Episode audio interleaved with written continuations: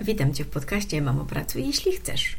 Ja nazywam się Agnieszka Czmerka-Czanowska i od 10 lat wspieram kobiety, które chcą pracować, ale zmieniam też polski rynek pracy na bardziej przyjazny kobietom. Dzisiaj w tym odcinku mam ogromną przyjemność gościć Ewelinę Marczewską, którą oczywiście za chwilę przedstawię e, dokładniej, ale rozmawiamy z Eweliną dzisiaj o wsparciu kobiet w powrocie do pracy po przerwie. Y, wsparciu kobiet, ale też mężczyzn i o tym będziemy mówić. Ewelina zaprezentuje perspektywę HR, menadżerki, mamy i podróżniczki. I myślę, że to jest naprawdę świetny odcinek. Ewelina Marczewska jest HR menadżerką zespołu konsultingowego we Franklin Templeton Investments. W swojej codziennej pracy wspiera liderów w efektywnym zarządzaniu i rozwoju pracowników prywatnie, szczęśliwa mama, dwójki y, cudownych dzieci, ale też miłośniczka dalekich podróży i dobrej kawy. I myślę, że o tych podróżach i dobrej kawie to z pewnością nagramy kolejny odcinek. Ale teraz zapraszam Cię serdecznie do odcinka o wsparciu w powrocie do pracy po przerwie.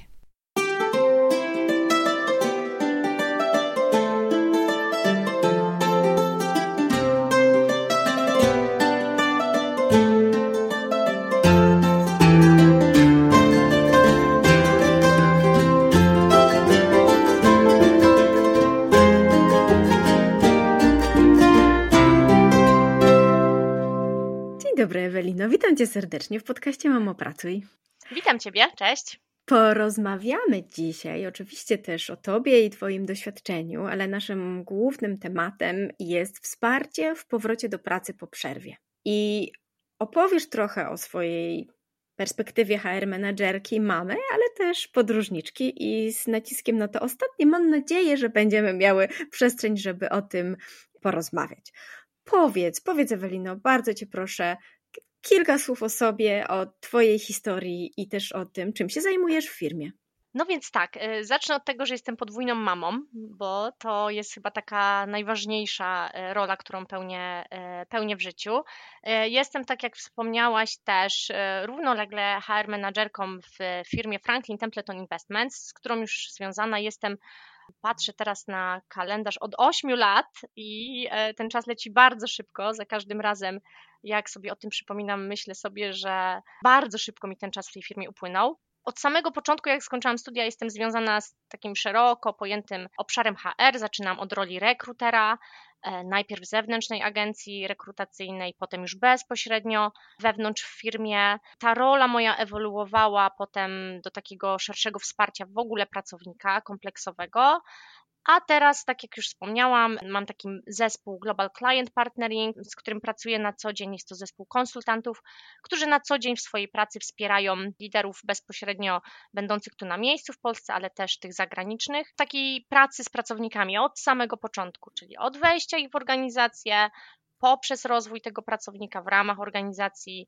po też takie wsparcie, e, jeśli ten pracownik zdecyduje się z nami, z nami rozstać. No i chyba tyle, jeśli chodzi o taki zawodowy background.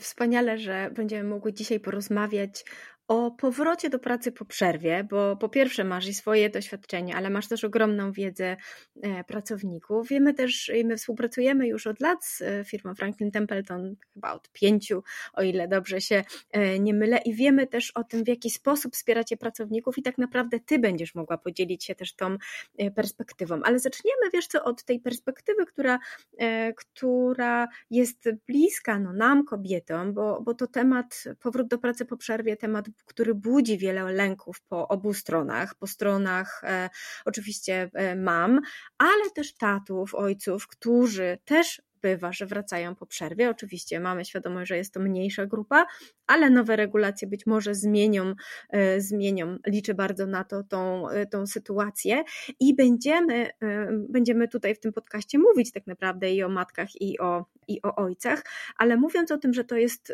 sytuacja, która budzi po, po wiele lęków po obydwu stronach, dlatego no że no jasne jest, że te nasze lęki są, są bardzo silne, podkreślają to badania Pracuj.pl, które mówią, że ogromny stres, mnóstwo pytań, dużo niepewności, to to jest codzienność właśnie właśnie kobiet wracających po przerwie.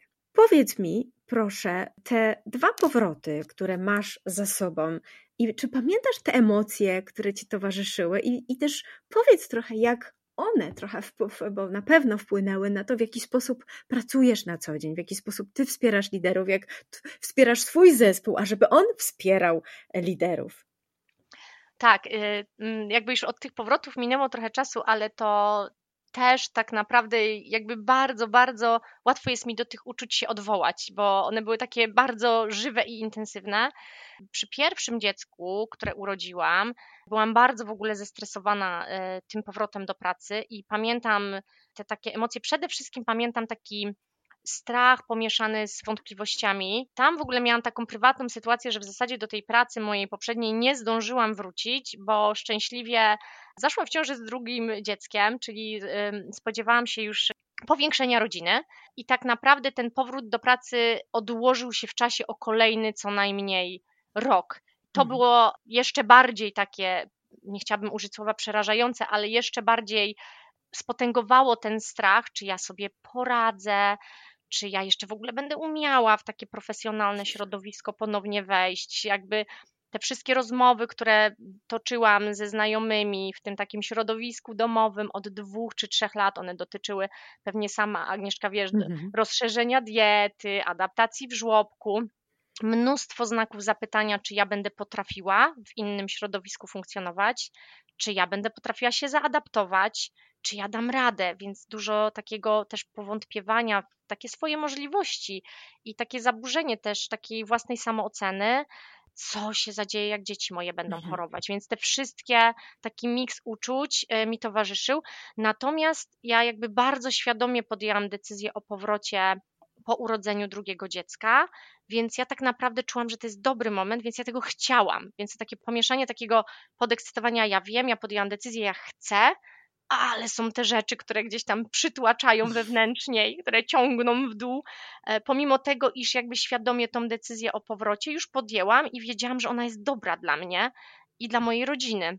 Więc taki miks uczuć i ja też widzę to u dziewczyn, z którymi pracujemy, które wracają, więc to się wcale bardzo nie zmieniło, pomimo iż jest mnóstwo teraz i, i, źródeł i takiego wsparcia dla tych dziewcząt, z czego bardzo się cieszę, między innymi ta praca, którą wy wykonujecie w kontekście powrotów tych dziewcząt i zachęcania jakby do tych mhm. powrotów do, na tą ścieżkę zawodową, to cały czas jednak te uczucia, tak jak mówisz, towarzyszą i, i, i potwierdzają to, e, to badania, więc tak sobie tak. przypominam ten, ten, tak. ten mój okres. Zdecydowanie, wiesz, to, to są takie emocje i tak często do nas różne czytelniczki czy, czy dziewczyny w trakcie spotkań, programów piszą, że można mieć bardzo wysokie stanowisko, a kiedy się na, na chwilę z niego wyjdzie, to pojawia się mnóstwo lęków. Dziewczyny nie są przygotowane tak naprawdę na pojawiające się te lęki. Ja myślę sobie, że one często biorą się właśnie z, trochę z, ze środowiska, czy z tego otoczenia, które nam mówi albo sugeruje, tak, że no po prostu mama, która siedziała dwa lata, trzy, cztery, pięć, a już po prostu dziesięć, to już tak naprawdę ona nie ma szansy powrotu, albo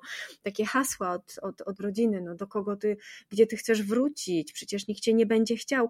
One tak naprawdę potęgują ten lęk, a są zupełnie niepotrzebne i są ogromnie krzywdzące.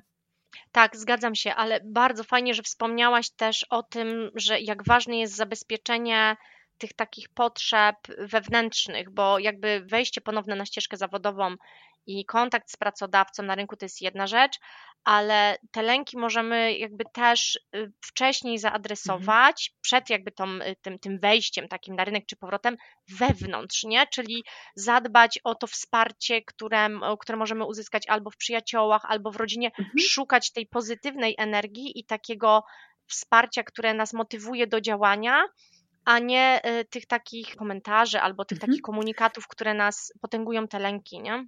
Wspaniale, słuchaj, że o tym mówisz, bo, bo właśnie dzisiaj chcemy porozmawiać o tych sposobach na przygotowanie się. Czyli mówisz, że, że jakby, no bo wyobrażam sobie, że jeden sposób to jest taki ten sposób, y, jakby taka potrzeba za, zaopiekowania się sobą, tak? Czyli tak jak mhm. mówisz, ty czułaś, ty czułaś, że to jest czas na powrót i masz, miałaś wątpliwości, lęki, ale równocześnie wiedziałaś, że to jest to, czego chcesz. Czyli ta motywacja pewnie była tą siłą napędową. Powiedz mi, właśnie, poza tym, żeby się w jakiś sposób e, tak zakotwiczyć w tej swojej motywacji, co byś jeszcze powiedziała? Wiesz, jak zadbać o siebie? Bo za chwilę sobie przejdziemy o tym, jak rozmawiać z pracodawcą, jak rozmawiać, wiesz, już o powrocie, ale jakby jak możemy my jeszcze o siebie zadbać?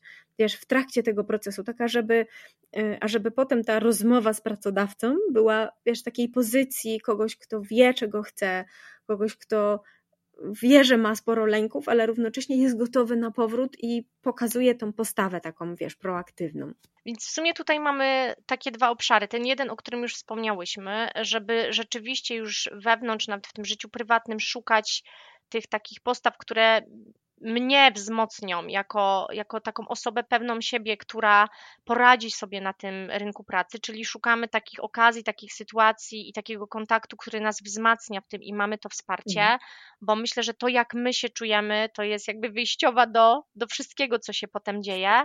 No i tak jak mówię, teraz mamy tych sytuacji, takich, takich okazji do tego, żeby szukać takiego potwierdzenia bardzo dużo, więc y, samo to, co jakby wasza fundacja robi jest ogromnym wsparciem, ale ja też sobie myślę jeszcze o takich rzeczach, które pomagają nam się przygotować do tego powrotu, takich bardziej może formalnych, ale takich, które pozwolą nam zadbać o takie własne bezpieczeństwo i dobre samopoczucie.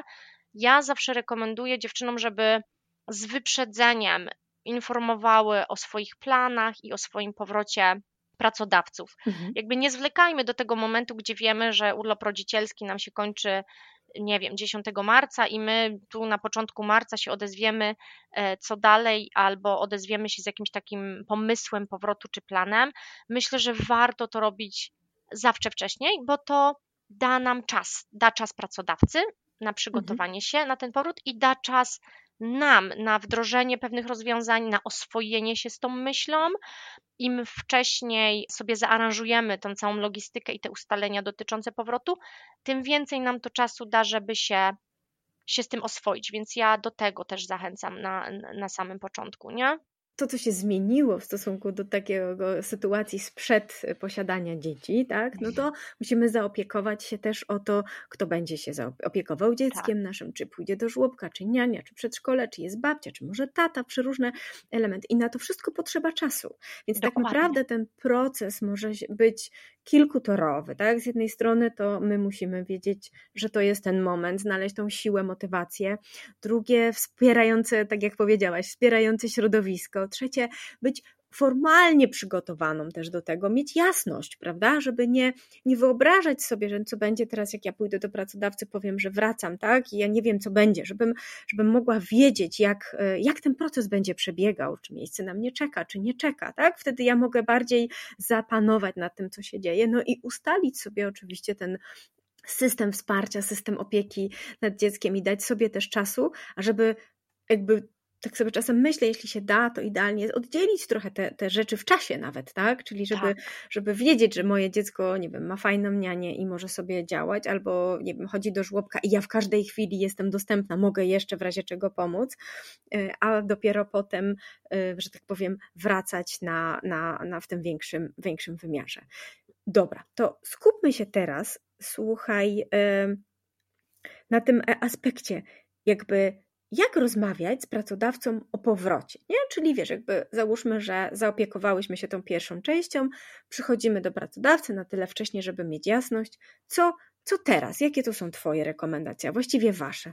Znaczy, ja bym też zaczęła od tego jeszcze, cofając się do tego mhm. Mm, momentu przygotowania. Zawsze rekomenduję wszystkim e, dziewczynom, tu powiem dziewczynom, ale też powinnam uwzględnić naszych e, tatusiów, żeby sprawdzać źródła i przygotować się do tego, jakie są nasze prawa. Jakby odświeżyć sobie tą wiedzę albo sprawdzić pewne aspekty, co tak naprawdę gwarantuje nam kodeks pracy i do czego mamy zwyczajnie prawo jako rodzice, bo często tutaj też dziewczęta nie mają e, pewności. Mamy bardzo fajne źródła. Jest strona gowu.pl, jest strona rodzicielskiej.gov.pl, która rzeczywiście gdzieś tam zbiera te wszystkie informacje, więc warto warto tam zaglądać.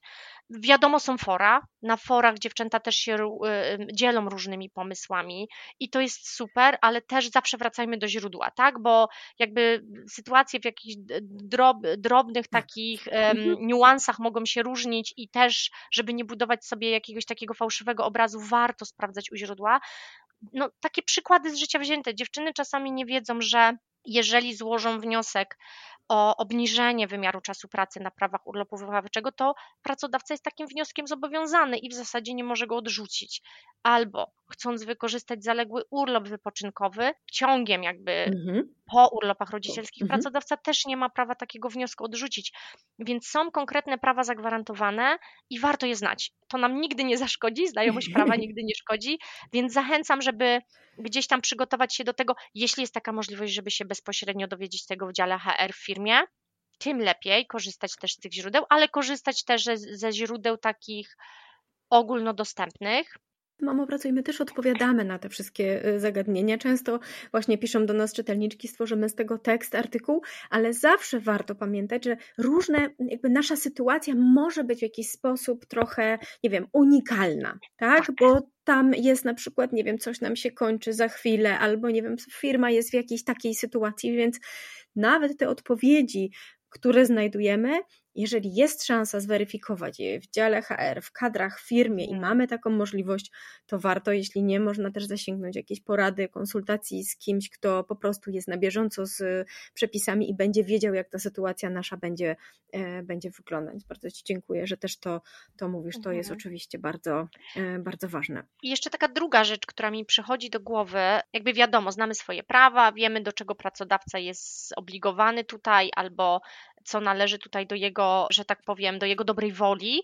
Natomiast fajnie jest też mieć plan, w sensie plan, co jest dla nas ważne, i jak sobie tą pracę chciałybyśmy po powrocie ułożyć. Fajnie jest wyjść ze swoją inicjatywą, czyli jakby spisać takie najważniejsze rzeczy, na przykład wiem, że nie chciałabym wrócić na pełen wymiar czasu pracy, chciałabym pracować, nie wiem, 7 godzin dziennie albo 6 godzin dziennie.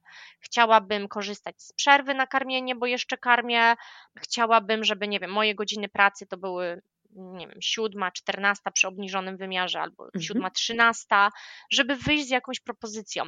Wiadomo, życie to może zweryfikować i pracodawca może nie mieć możliwości na wszystkie nasze prośby odpowiedzieć pozytywnie, ale jakby tworząc taką listę priorytetów, wiemy, co jest dla nas ważne i co jest dla nas absolutnie kluczowe, nie wiem, pod kątem opieki nad dzieckiem też, jakby ten obniżony wymiar, tak? Wiemy, że mhm. to nie może być dłużej niż 6 godzin dziennie i z tego wiemy, że nie będziemy chciały zrezygnować, ale poszukanie takich obszarów gdzie jesteśmy elastyczne, czyli gdzie jesteśmy ewentualnie w stanie te granice przesunąć. Nie wiem, czy to są godziny czasu pracy, nie wiem, godzina zaczynania pracy, zakończenia. Wchodzą też teraz zupełnie inne aspekty związane z pracą z domu, tak? Czy chcemy tą pracę świadczyć z biura, czy chcemy ją pracy, pracę świadczyć całkowicie z domu, jeżeli jest taka możliwość, czy rozważamy jakiś model hybrydowy, jeżeli pracodawca będzie wymagał tej obecności w biurze od czasu do czasu. Więc to są wszystkie rzeczy, które warto sobie przemyśleć, zanim się te rozmowy zacznie, żeby też wiedzieć, co jest dla nas ważne, a gdzie możemy z pewnych rzeczy, że tak powiem, zrezygnować, tudzież yy, znaleźć jakiś kompromis z pracodawcą. To świetna lista jest, bardzo Ci, bardzo Ci dziękuję, na pewno będzie bardzo pomocna. Ja bym jeszcze podkreśliła, wiesz, to, to ważnym aspektem jest to, co Ty powiedziałaś też, że, mm, że ta lista to, to nie ma być lista życzeń i żądań, tylko taki punkt wyjścia naszych potrzeb i żebyśmy my też wiedziały, co jest dla nas najważniejsze. I mówię to też jako pracodawca. My też oczywiście w fundacji zatrudniamy, zatrudniamy dziewczyny i, i one zachodzą w ciążę i, i, i potem odchodzą i wracają i jakby wtedy, kiedy one wiedzą, czego potrzebują, to ja jako pracodawca mogę na to odpowiedzieć i zareagować o wiele lepiej, tak? Ja mogę mieć jakieś wyobrażenia i oczekiwania, mm, ale dopiero wtedy, kiedy usłyszę drugą stronę, mogę po prostu z, jakby sprawdzić, tak? Czy się spotykamy tak? I czy i jak możemy sobie wzajemnie pomóc? No przecież mnie też zależy na tym, żeby dziewczyny miały komfortowe warunki do pracy i każdy pracodawca też będzie sobie y, musiał to przekalkulować, tak, ażeby wiedzieć, no, że, że mm, no, po co mu pracownik, który tak naprawdę nie będzie w stanie pracować, nie wiem, 8 godzin, tak, jeśli, mm, jeśli dla kogoś ważne jest, y, jest 6, najprawdopodobniej z tej pracy zrezygnuje. I to też jest powód, dla którego wiele dziewczyn potem rezygnuje z, z tej możliwości pracy, czy znaczy z powrotu do pracy, bo on po prostu się okazuje zbyt trudny. Więc, więc ten czas, którym mówiłyśmy w tej pierwszej części, te zadania domowe do odrobienia, to są bardzo ważne po to, ażeby przyjść na rozmowę z, z pracodawcą. Czy masz jeszcze jakieś pomysły, jakby jak wiesz, przychodzimy do pracodawcy i jak sobie tą relację ułożyć, jakie pytania zadawać? Tak? Jakby wiesz, takie podpowiedzi twoje, no, a żeby po pierwsze wypaść, wiesz, nie jako e, ktoś, kto przychodzi, mówi tak ma być i koniec, a równocześnie, a żeby wydarzyło się to, na czym nam zależy i żeby, żeby ustalić sobie takie warunki, na których, e, w ramach których będziemy w stanie pracować i być taką, wiecie, w miarę spokojną mamą i zaangażowanym pracownikiem. Hmm. Y, wiesz co, bardzo fajnie w ogóle, że wspomniałaś tej, o, o, o, tej transparentnej komunikacji, bo to jest bardzo ważny jeszcze jeden aspekt, o którym tutaj e, warto porozmawiać. Taki przykład z życia wzięty, jeszcze zanim e, dziewczyny wracają z, e, do pracy, na przykład sam sposób wnioskowania o urlopy. Miałam taką sytuację, że rzeczywiście jedna z dziewcząt po porodzie zawnioskowała tylko o te 20 tygodni urlopu macierzyńskiego, i złożyła wnioski tylko i wyłącznie na ten okres 20 tygodni, bez tych 32 dodatkowych e, urlopu rodzicielskiego. I jakby jej decyzja była podyktowana przede wszystkim względami finansowymi, jakby sposób wnioskowania powoduje inne przeliczenie zasiłku. To była jej główna motywacja, że ona sobie podzieliła i najpierw zawnioskowała o to, czego lider tak do końca nie wiedział. On jakby, jakby w momencie, kiedy dział personalny poinformował go, tutaj wpłynął wniosek na 20 tygodni urlopu macierzyńskiego, planowana data powrotu wtedy i wtedy. No i jest taka konsternacja. Ojej, ja już tu kogoś zatrudniłem na zastępstwo na rok, ale jak to 20 tygodni tylko? I tak naprawdę y, jakby motywacja była inna, bo ona była podyktowana stricte tylko i wyłącznie przeliczeniem zasiłku i ta dziewczyna rzeczywiście tuż przed zakończeniem tych 20 tygodni zawnioskowała o pozostałą część i wyszedł z tego rok nieobecności, ale jakby pracodawca, y, jakby nie będąc e, na bieżąco z tymi informacjami, może gdzieś tam nie wiedzieć, nie? I nie mieć pełnego obrazu i pełnych informacji. I to samo przy powrotach. Na przykład dziewczęta składają wniosek o skrócenie wymiaru czasu pracy, nie wiem, na najbliższe trzy miesiące albo pół roku, a tak naprawdę wiedzą, że to będzie trwało rok albo dwa lata, ale nie wiem, wstydzą się, nie wiedzą, jak to będzie odebrane, więc wolą na krócej, może potem przedłużyć. I zupełnie też niepotrzebnie, bo wydaje mi się, że jakby taka transparentna komunikacja co do tego, jakie ja mam oczekiwania i co jest dla mnie ważne. I tak jak wspomniałaś, to nie jest lista życzeń czy roszczeń, tylko komunikowanie tego, co jest dla mnie ważne, żeby to e, rodzicielstwo z pracą połączyć jest szalenie ważny pod kątem tego, żeby pracodawca mógł odpowiednio zareagować, więc taka transparentna komunikacja co do swoich potrzeb i co do tego, co jest dla nas ważne i jakie mamy jakie mamy plany. To jest, e, to jest bardzo ważne i fajnie, Agnieszka, że o tym wspomniałaś. Zapytałaś o pytania do pracodawcy, tudzież jeszcze jakieś takie wskazówki, o co warto pytać. No myślę, że jakby ten plan to już sobie przedyskutowałyśmy, mamy ten plan, e, z którym chcemy do pracodawcy rzeczywiście wyjść. Takie rzeczy, o które warto zapytać, już stricte związane z pracą, to na pewno takie, które pomogą nam się przygotować do tego powrotu i sprawią, że łatwiej nam rzeczywiście to wdrożenie przyjdzie, no to na pewno sytuacja w zespole, jakby zapytać się, jakie to są zadania, które będę wykonywać, czy ta moja rola um, będzie dokładnie taka sama, jak ta, którą rzeczywiście miałam zanim na te urlopy poszłam, czy, czy moje zadania będą jakoś przearanżowane, jak wygląda zespół. Nie wiem, czy ktoś nowy zatrudnił się w tym czasie, może ktoś odszedł, czyli jaka jest struktura tego zespołu, jeżeli to jest praca zespołowa, co tam się pozmieniało.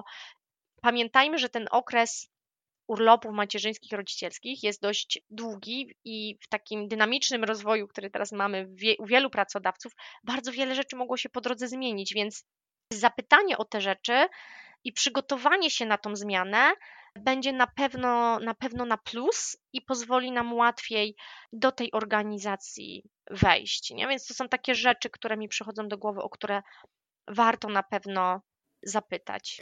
Pewnie tak jak sobie wyobrażam, to są rozmowy z różnymi osobami, nie? Bo teraz mówiłyśmy bardziej o rozmowie pewnie z przełożonym, może z koleżankami z tak. zespołu, żeby wiedzieć, co się wydarzyło, tak? Pewnie e, z osobami, które się zajmują trochę tak jak wasz zespół wdrażaniem, przygotowywaniem pracowników. Mm. No a część rzeczy będzie załatwiana w, w, kadrach, w dziale HR, no to bardzo różnie firmy mają zorganizowane, no ale jest to na pewno lista mm, takich zagadnień, które warto sobie sprawdzić, dowiedzieć się, zanim w ogóle będziemy sobie wyobrażać siebie w, na nowo w tej przestrzeni e, zawodowej.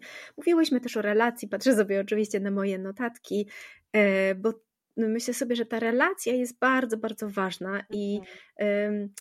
Jednym z takich, e, nie powiedziałyśmy tutaj o tym, ale jednym z takich podpowiedzi, które my dajemy, oczywiście to bardzo jest indywidualne, ale jeżeli mm, atmosfera w pracy jest przyjazna i, i my to doświadczamy nawet w naszym zespole, że jakby dziewczyny, które są na urlopach, one uczestniczą w naszym życiu, tak? w jakichś wydarzeniach, dostają jakieś informacje, ale umawiamy się wcześniej, tak? My je pytamy, czy chcesz brać udział w takich wydarzeniach, czy chcesz dostawać zaproszenia, czy możemy do ciebie zadzwonić, zapytać się, jak się masz, jak się mają córeczki. Też chcemy zobaczyć zdjęcia dzieci, jakby to ten czas paradoksalnie wydaje się, czy rok, czy dwa, czy nawet trzy, wydaje się bardzo długo, a tak naprawdę leci bardzo szybko. To prawda. I, I tak naprawdę, będąc obecną w jakiś sposób w relacjach, w kontaktach od czasu do czasu z firmą, my będziemy miały też mniejszy ten lęk i strach, bo będziemy troszeczkę przynajmniej wiedziały, co się w firmie dzieje. Tak? Jeśli się dzieje dobrze i wszystko fajnie, to wiemy, że czeka na nas. Jeżeli jest przeciwnie, to też będziemy szybko wiedziały i być może będziemy mogły zdecydować, czy to jest dla nas dobre powrót tutaj, czy też będziemy szukać czegoś nowego, a to już jest odrębna pewnie odrębna historia, ale, ale tak chciałabym e, podkreślić, że, że możemy te lęki swoje załagodzić, wiedząc, tak, na, czym, na czym po prostu e, stoimy.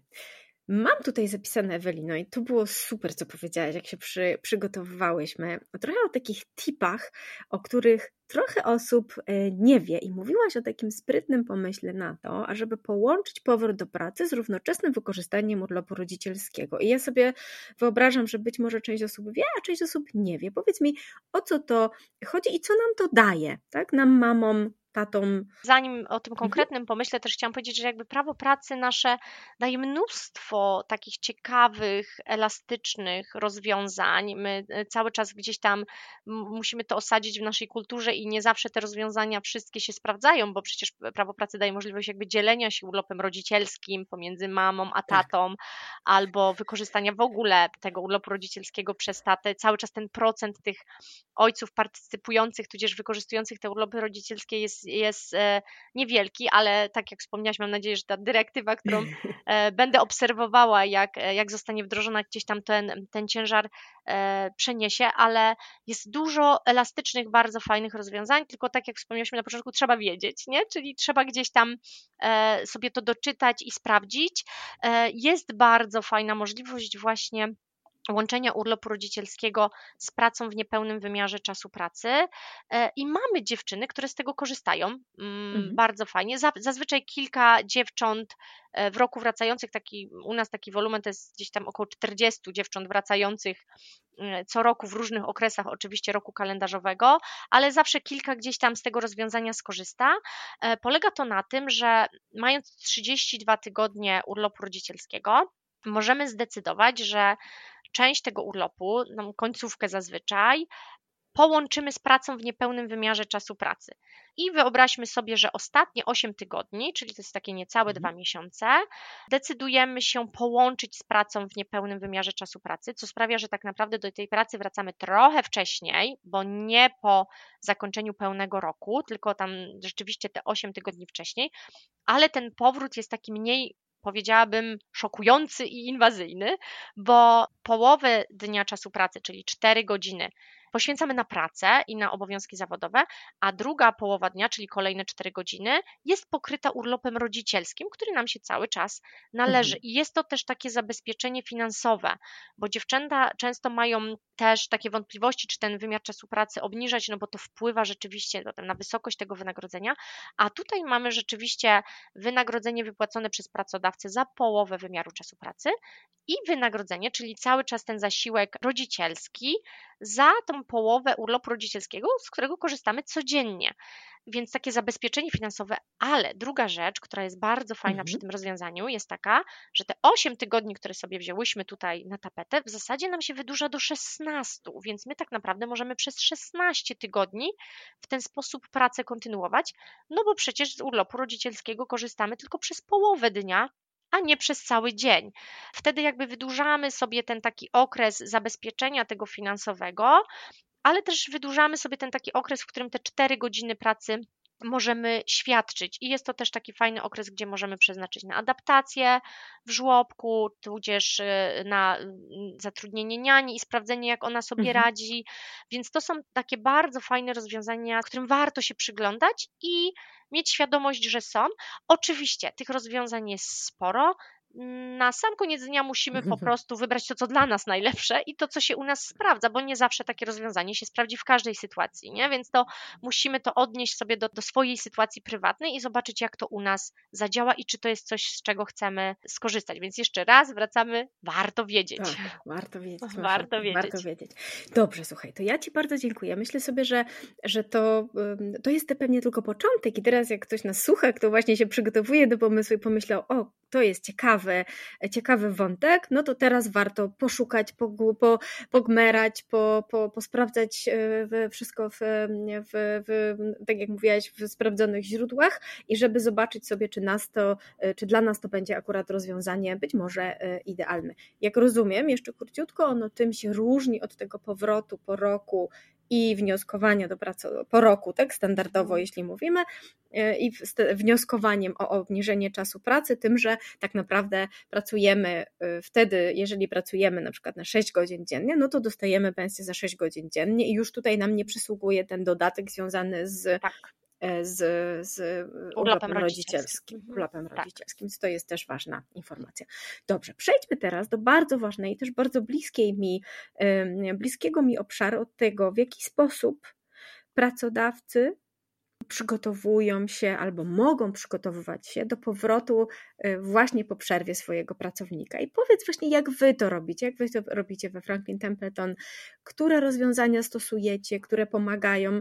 Ja też oczywiście wiem, jak du dużo, dużo robicie, ale ja bym chciała, żebyś je, wiesz, w jakiś sposób opisała, omówiła, te, które uważasz za najbardziej kluczowe, bo ja mocno wierzę, że, że tak słuchaczki naszego podcastu to, to oczywiście też e, będą mogły skorzystać z tego, przygotowując się i zapytać, czy coś takiego u nich w firmie w ogóle jest, czy w ogóle można rozważyć, a być może zainspirujemy też e, inne zespoły HR-owe właśnie do tego, żeby takie działania wdrażać, bo one realnie pomagają po prostu. Tak, i bardzo fajnie, że jakby przechodzimy do tej kolejnej części, bo to trochę pokazuje, że to nie tylko dziewczyna musi się przygotować do tego powrotu do mhm. pracy, mhm. ale powinien też to zrobić pracodawca. Więc jakby to jest wspólny proces i to nie jest tak, że pracodawca siedzi i sobie czeka, y, kiedy ta dziewczyna przyjdzie i czy ona w ogóle przyjdzie, tylko tak naprawdę tam jest też szereg działań, które pracodawca powinien podjąć, żeby do tego powrotu się przygotować, prawda? Więc y, fajnie, że odwracamy tą perspektywę. My w, w firmie naszej, w Franklin Templeton, w, w dziale, w którym rzeczywiście wspieramy dziewczęta, e, ten proces jakby przygotowania do powrotu zaczynamy dużo, dużo wcześniej, jeszcze zanim te dziewczyny na te urlopy pójdą. I to jest też ciekawe, bo w momencie, kiedy my dowiadujemy się, że dziewczęta spodziewają się dziecka, to tak naprawdę tu już się ten proces zaczyna, gdzie one powinny być poinformowane o przysługujących im prawach, tak, jeżeli chodzi o pracę w godzinach nadliczbowych, czy, czy możliwość zlecania delegacji, tam jest jakby szereg regulacji, które dotyczą dziewcząt w ciąży, ale wiem, że to jakby temat na oddzielny podcast pewnie, więc nie będę się tu zagłębiać, ale to, to już, już mamy tak, pomysł, tak, mamy tak, pomysł tak, na kolejny pomysł. podcast, ale mm, wysyłamy też dziewczynom wtedy jakby wszelkie regulacje i nawet dokumenty, już wtedy wysyłamy dokumenty które na, będzie należało wypełnić w momencie, kiedy dziecko przyjdzie na świat, tak? Czyli jak już będziemy mieli ten szczęśliwy moment, to dziewczyny już będą te dokumenty miały, nie będzie konieczności, że one teraz jakby po wyjściu z tego szpitala jeszcze się tu muszą denerwować, a skąd te dokumenty, a gdzie, a które, a jak wypełnić. My już wcześniej wysyłamy mhm. taki cały komplet z, ze szczegółową instrukcją, jak je wypełnić i kiedy je dostarczyć. I też ważne, no dajemy adnotację, żeby dziewczyny sobie gdzieś przysłały tego maila na swój prywatny adres mailowy, bo to jest jakby taki, taki, taki tip wewnętrzny, że miałam, nie mam dostępu, oddam komputer, nie wiem. Zawsze mówimy, słuchaj, masz ten pak, wyślij sobie tego maila na skrzynkę prywatną, rzadko kiedy się prywatny adres zmienia, więc jakby będziesz zawsze mogła go sobie e, e, znaleźć, więc to jest jakby już tutaj mamy taki pierwszy element, który nam też ułatwia mhm. pracę. Jakby nie oszukujmy się, bo po stronie pracodawcy my też chcemy, żeby te procesy były zabezpieczone i żeby nie było tutaj e, żadnych nieścisłości czy niedopilnowania pewnych terminów. Więc to jest jakby jedna rzecz. Potem, tak jak wspomniałaś o tej relacji, to jest też jakby druga rzecz, która jest dość ważna, warto sobie też ustalić, wybierając się na takie dłuższe urlopy, ten sposób komunikacji, nie? Czyli czy my chcemy dostawać maile, czy nie chcemy. My z działu HR y, i tak jakby mamy osobną listę dystrybucyjną dziewcząt e, będących na właśnie tych urlopach, gdzie posługujemy się już prywatnymi adresami mailowymi, oczywiście za ich zgodą, żeby informować o pewnych rzeczach, które się dzieją, albo jakieś zmiany w benefitach, albo nie wiem, zmieniają się karty multisport, albo e, nie wiem, firma organizuje piknik, nie? Mhm. albo firma daje karty Sodexo na święta, więc żeby one rzeczywiście w tej komunikacji były i nie wypadły, e, to jest jedna rzecz, ale warto też to sobie jakby dwutorowo ustalić też z liderem. Co ja bym chciała wiedzieć, tak? Co się zmienia w moim zespole? Czy ja chcę być tu poinformowana o pewnych rzeczach, czy nie? Więc to jest jakby taki drugi obszar. No i teraz już jakby stricte wracając do powrotów, co jest jakby chyba najważniejszym tutaj tematem naszego podcastu. Dużo rzeczy dookoła, ale wracając do głównego wątku, my w dziale HR monitorujemy te daty, więc jeżeli dziewczyny same się proaktywnie nie zgłoszą, to rzeczywiście cztery tygodnie przed ym, taką oficjalną datą powrotu wynikającą z tych złożonych wniosków, zawsze się proaktywnie od, e, odzywamy do dziewcząt. Hej, słuchaj, za, e, za niecały miesiąc albo za miesiąc jakby już dobiega końca, dobiegają końca te Twoje urlopy, jakie Ty masz plany? I też zawsze rozpisujemy jakieś takie potencjalne scenariusze. Jeśli planujesz przedłużyć swoją nieobecność, bo często tak jest, że dziewczyny jeszcze chcą na wychowawczy zostać albo wykorzystać urlop wypoczynkowy, tu masz rzeczy do zrobienia albo do sprawdzenia, albo wnioski do wypełnienia. Jeśli planujesz powrót do pracy, to kontaktujemy się też wspólnie z liderem, zawsze taki wspólny wątek gdzieś tam komunikacyjny zakładamy i z dziewczyną, i z przełożonym, i z nami w dziale HR, żebyśmy wszyscy byli jakby na tym samym etapie, jeśli chodzi o te informacje dotyczące powrotu, no i ustalamy sobie wymiar etatu, przerwę na karmienie, godziny pracy i jakby to są już jakby te y, takie szczegółowe rzeczy, które gdzieś tam mówiliśmy, dotyczą tego tego planu powrotowego, więc to są takie pierwsze rzeczy, które przychodzą mi do głowy. Co jest jeszcze bardzo ważne, mm, jak już dziewczyny wrócą do pracy, mhm. też organizujemy z nimi takie spotkania gdzie one mogą się podzielić informacjami zwrotnymi. E, na zasadzie, słuchaj, Ewelina, tu zadziałało to, zadziałało to, zabrakło mi takiej komunikacji, albo nie dowiedziałam się na czas o tym i o tym, bo my też jakby najwięcej jako pracodawca uczymy się od tych dziewczyn wracających, więc tak naprawdę jesteśmy bardzo otwarte na informacje zwrotne, co zadziałało, co zadziałało dobrze. I to też zawsze gdzieś tam dzielimy się z liderami, jeżeli coś, jeżeli wszystko zadziałało dobrze, bo nie zapominajmy o tej pozytywnej informacji zwrotnej, żeby nią się też dzielić. Ale tam, gdzie mieliśmy jakieś zgrzyty albo niedopatrzenia, albo czegoś dziewczynom zabrakło, my też jakby z pokorą przyjmujemy te informacje zwrotne, żeby z tego wyciągnąć jakieś lekcje na przyszłość. Jeżeli chodzi o pracę z liderem, bo to jest jeszcze druga, drugi taki mhm. obszar, który ja widzę z punktu widzenia HR-u, My przygotowujemy też lidera do tego powrotu. To jest jakby osobny dział, o którym można gdzieś tam tak. więcej opowiedzieć, żeby zaplanować całą logistykę związaną z powrotem. Jakby drogi liderze, czy pracownica ma sprzęt ze sobą, czy ona tego laptopa oddała idąc na te urlopy, czy nie, czy ona ma miejsce przy biurku, czy wiesz, gdzie ona będzie siedziała, czy zaplanowałeś jakieś wdrożenie, szkolenie, czy przygotowałeś zespół na ten powrót, bo to, to jest, jest jakby... bardzo ważne, bardzo ważne to, co mówisz, nie? Właśnie, że to jest osobny wątek, ale możemy chwilę mu poświęcić. Słuchaj, opowiadaj. jakby przy, przygotowanie jakby też zespołu e, do, do tego powrotu, jeżeli mamy, e, szczególnie jeżeli mamy jakieś ustalenia co do godzin pracy, które odbiegają od standardowych godzin pracy zespołu, warto spotkać się i powiedzieć, słuchajcie, Katarzyna wraca 1 kwietnia, będzie pracowała w obniżonym wymiarze po 6 godzin dziennie, będzie korzystała z przerwy na karmienie, e, będzie pracowała, nie wiem, w hybrydzie 3 na 2, 2 na 3, e, żeby też zespół był poinformowany. Unikamy wtedy takich sytuacji dziwnych, a czemu ty wychodzisz wcześniej, a czemu ty przyszłaś później, jakichś takich niedomówień mhm. gdzieś tam, więc warto transparentnie tą komunikację w zespole poprowadzić i też poprosić o jakieś takie, jak to po angielsku się ładnie mówi, warm welcome, czyli takie ciepłe przywitanie tej osoby w zespole, żeby też jej było, było łatwiej, więc te rzeczy całe logistyczne związane właśnie ze sprzętem, miejscem, zespołem, wdrożeniem, przypisaniem jakiegoś badiego, czyli kogoś, kto gdzieś tam będzie tą pieczę nad tą osobą sprawował, szczególnie w tym pierwszym okresie. Więc to są jakby osobne takie wątki, które warto gdzieś tam wewnętrznie omówić i ustalić. No i ja jeszcze też bardzo zachęcam, żeby się regularnie z tymi dziewczynami nasi przełożeni spotykali, nie? Żeby gdzieś tam takie regularne spotkania, nie wiem, raz w tygodniu, hej, czy wszystko ok, czy sobie radzisz dobrze. Ten pierwszy okres zawsze jest trudny, dziewczyny często gdzieś tam w tym pierwszym okresie są rozkojarzone, już myślą, to moje dziecko w żłobku płacza, ja to muszę na maile odpisywać.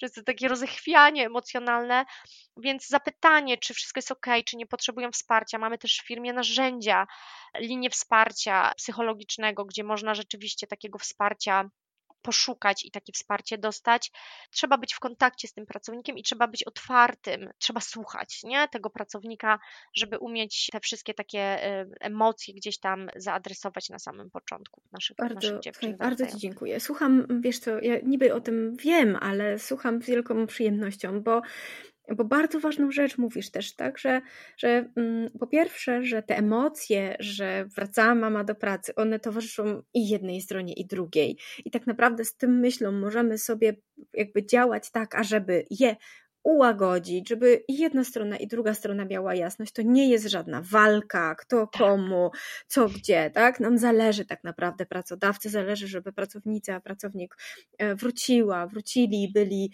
spokojni, zadowoleni.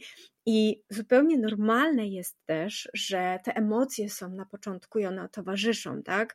Boi się o dziecko, zastanawiam się, co z nim się dzieje, równocześnie zależy mi na pracy i to, to jest taki rodzaj po prostu trochę wewnętrznej mm, walki, ale on mija, on mija, bo wchodzimy w pewien schemat, rutynę, wiemy jak to wygląda i to, to, to warto o tym też mówić, że to też jest tak. naturalne, tak? Że to tak. też jest e, naturalne. Bardzo Ci dziękuję za te wszystkie podpowiedzi. No, powiedz mi jeszcze, Ewelino, tak na koniec, wiesz, jakby taką ostatnią myśl, co jest ważne, co ty uważasz za kluczowe, wiesz, jako mama przechodziłaś przez to, wiesz, znasz te emocje, pamiętasz, teraz pomagasz z kolei te, te procesy łączyć, wspierać pracowników. Co jest, jaka myśl jest ważna, którą byś się chciała podzielić? Trudne pytanie, trudne, ale wiesz co, tak sobie myślę, że Mm,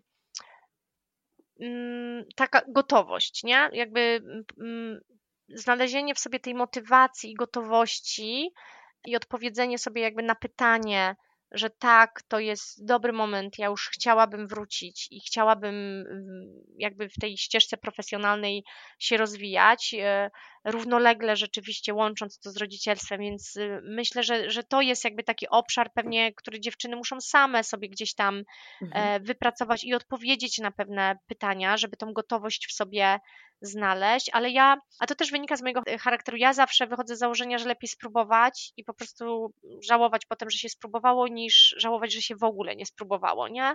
Ja myślę, że te powroty są trudne, ale warto dać im szansę.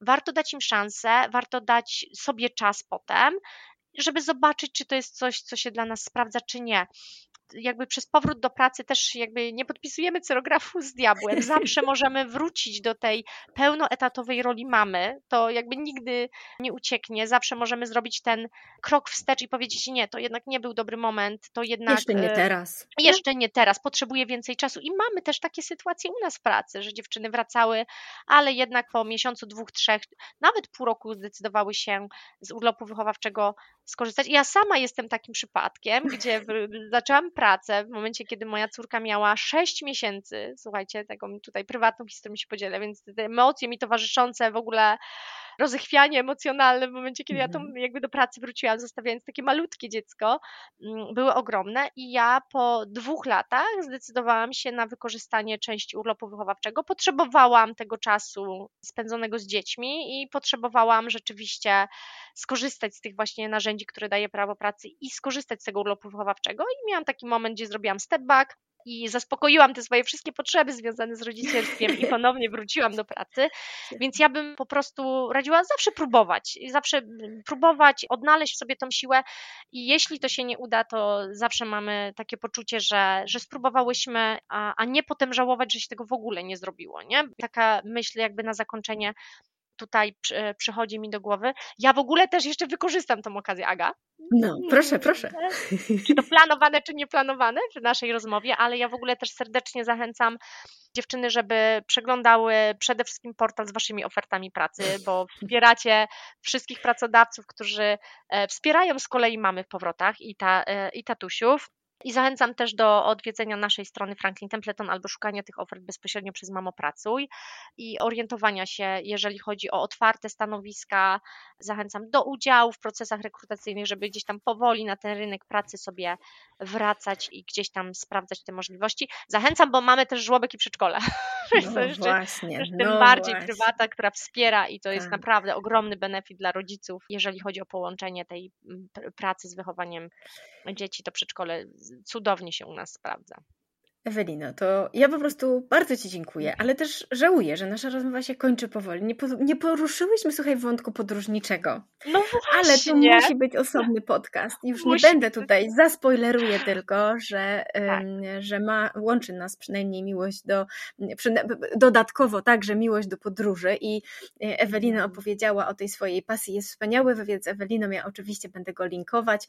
E, oczywiście na Mamo Pracuj. E, Ewelina opowiada o tym, jak swoją pasję i miłość do podróży łączy z pracą, co też jest y, tak naprawdę nowym, nowym wyzwaniem. No ale na dzisiaj już kończę, a to znaczy, że będziemy mogły pewnie pomyśleć o, o kolejnych odcinkach wspólnych i bardzo Ci dziękuję za te wszystkie podpowiedzi, za dobre słowo, za, za tipy, za, za to, że mm, że trochę odczarowałyśmy, mam nadzieję, ten proces powrotu, żeby złagodzić emocje towarzyszące obydwu obydwu stron. Także bardzo, bardzo Ci dziękuję.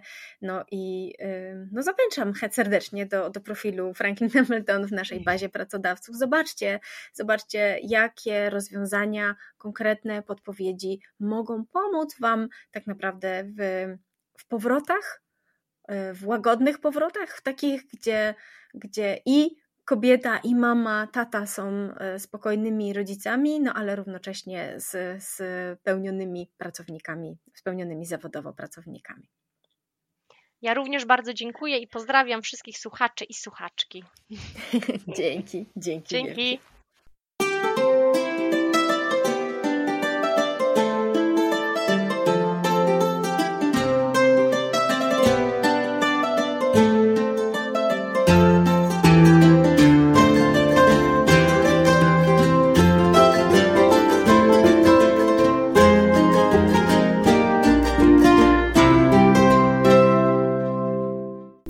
Koniec. To już koniec tego odcinka naszego podcastu. Bardzo dziękuję Ewelinie za poświęcony czas i mnóstwo ciekawych inspiracji, podpowiedzi i Was i Ciebie zapraszam serdecznie do kolejnych odcinków, które oczywiście już przygotowujemy, ale także nieustannie do odwiedzenia portalu Mamo Pracuj, a tym bardziej szczególnie zapraszam do odwiedzenia profilu firmy Franklin Templeton w naszej bazie pracodawców przyjaznych rodzicom i zapoznania się z tym, jak firma wspiera swoich pracowników.